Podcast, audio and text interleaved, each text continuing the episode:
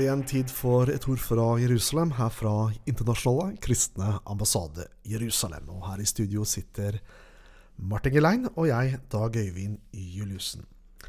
Nå er det slik at vi i Den kristne ambassaden snart arrangerer reise til løvehyttefestfeiring i Jerusalem. Det er fra 8. til 17. oktober at den reisen går av stabelen. Og Martin, hva, hva sier Bibelen om oss ikke-jøder, altså hedninger, og, og løvehyttefesten?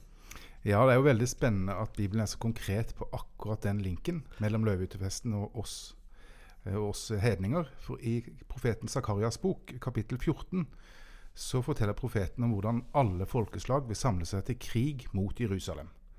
Og da skal Herren selv dra ut og stride mot disse folkene, står det. Og da skal føttene hans stå på Oljeberget. Og da vet vi hvem vi snakker om. Da snakker vi om Jesu gjenkomst. Og tenk det står det, Dag Øyvind, at da skal, da skal Herren være konge over hele jorda. Ja. Og Her er en parallell til det vi kan lese om i Daniels bok, kapittel 7, om menneskesønnen, som Jesus så refererer til flere ganger, om Jesu komme med himmelens skyer til Israel, til sitt land og sitt folk, Wow. og til Jerusalem. Det er ikke noe å grue seg til for oss som tror på Jesus. Det er ingenting å grue seg til. Det er jo målet for det vi tror på. Det er da det skjer. Da blir det åpenbart det vi har båret på og håpet på i hjertene våre. Skriften sier 'Maranata'. Kom, Herre, kom snart. Ja, jeg må nesten si halleluja. Men linken til løvetefesten, det er videre i det kapittelet så står det Jeg skal lese det ene verset, 14, Zakaria 14, 16. Alle som blir igjen av alle de folkeslag som drar imot Jerusalem, skal år etter år dra opp for å bøye seg og tilbe kongen, Herren, allherrs Gud, og for å feire løvehyttefesten. Hva står det videre der også? Det står noe til der. Men om noen av jordens slekter ikke drar opp til Jerusalem for å tilbe kongen, Herren allers Gud, skal det ikke falle regn over dem. Og til og med Egypt står nevnt. At om Egypt ikke drar opp, så skal det ikke falle regn over Egypt. Helt konkret i vers etterpå så er Egypt nevnt, og det er jo veldig spennende i forhold til det som skjedde i 2019, Dag Øyvind. Der var vi begge to. Ja, det er sant. For at i 2019, før koronaen kom, så var det for første gang en delegasjon på Den kristne ambassades feiring av løvehyttefesten i Jerusalem. Fra, eh, for første gang en delegasjon fra Egypt. Og det som var så ja, fantastisk, det var at når denne delegasjonen var til stede på konferanse i Jerusalem, så kom det kraftig regnskyll over Egypt. Og det på en tid av året hvor det ellers aldri regner i Egypt. Det var ikke bare vi som jubla, det gjorde egypterne også. Ja, Det var veldig spesielt å være der. Ja. Um, jeg har lyst til å bare dekke inn en story. Den kristne ambassaden ble født under løvehyttefestsamling av kristne fra en, flere titalls nasjoner i Jerusalem. I, på, ja, I 1980 ble IKAI etablert. Og jeg har lyst til å fortelle en historie som sikkert mange ikke kjenner til. Og det var slik at i 1979, da Merv og Møla Watson planla den første feiringen av løvehyttefesten i Jerusalem, så var de usikre på helt nøyaktig hvordan skulle hedningene feire denne bibelske festen. Så de spurte om råd hos en seniorrabbiner i Israel. Og etter å ha mottatt hans praktiske veiledning, skulle de akkurat til å gå da rabbineren ropte på dem. Og så sier han, 'Herr fru Watson', sa han, 'at dere som hedninger kom hit for å spørre meg hvordan dere skal feire sukkot, som det heter på hebraisk, altså løvehyttefest, det er ganske uvanlig. Og så forteller han våre profeter erklærer at i den messianske tid vil alle hedninger komme til Jerusalem for å feire denne festen med oss.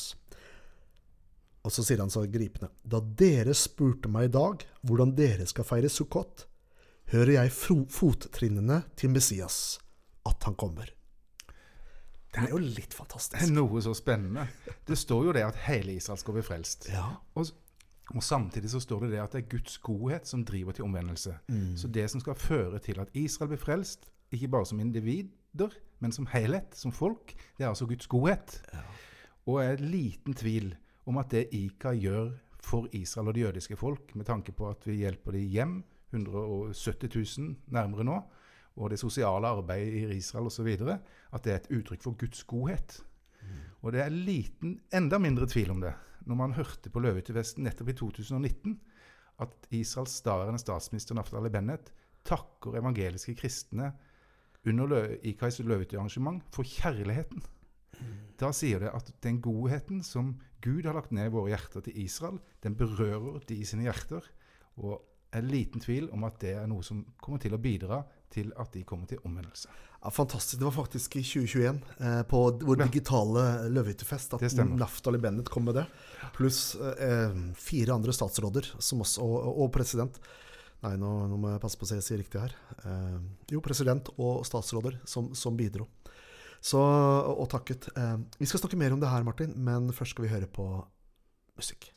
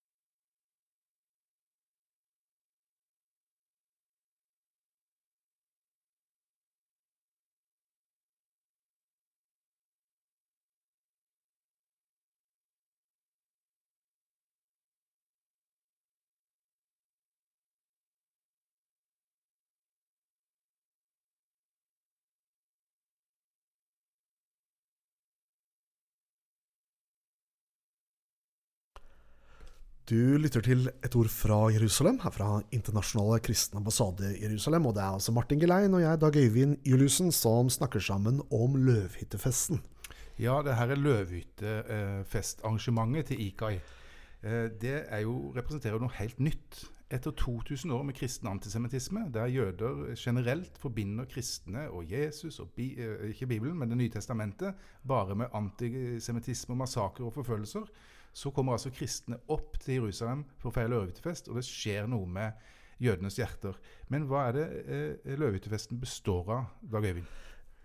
Eh, Jeg tenker sånn at det er to bærebjelker, hvis jeg skal forklare hva den kristne, f- ambassades feiring av løvehyttefesten er. Det er på den ene siden en stor lovprisningsfest av kristne fra normalt 100 nasjoner som kommer sammen for å hylle, for å tilby Jesus, kongenes konge, i hans egen by.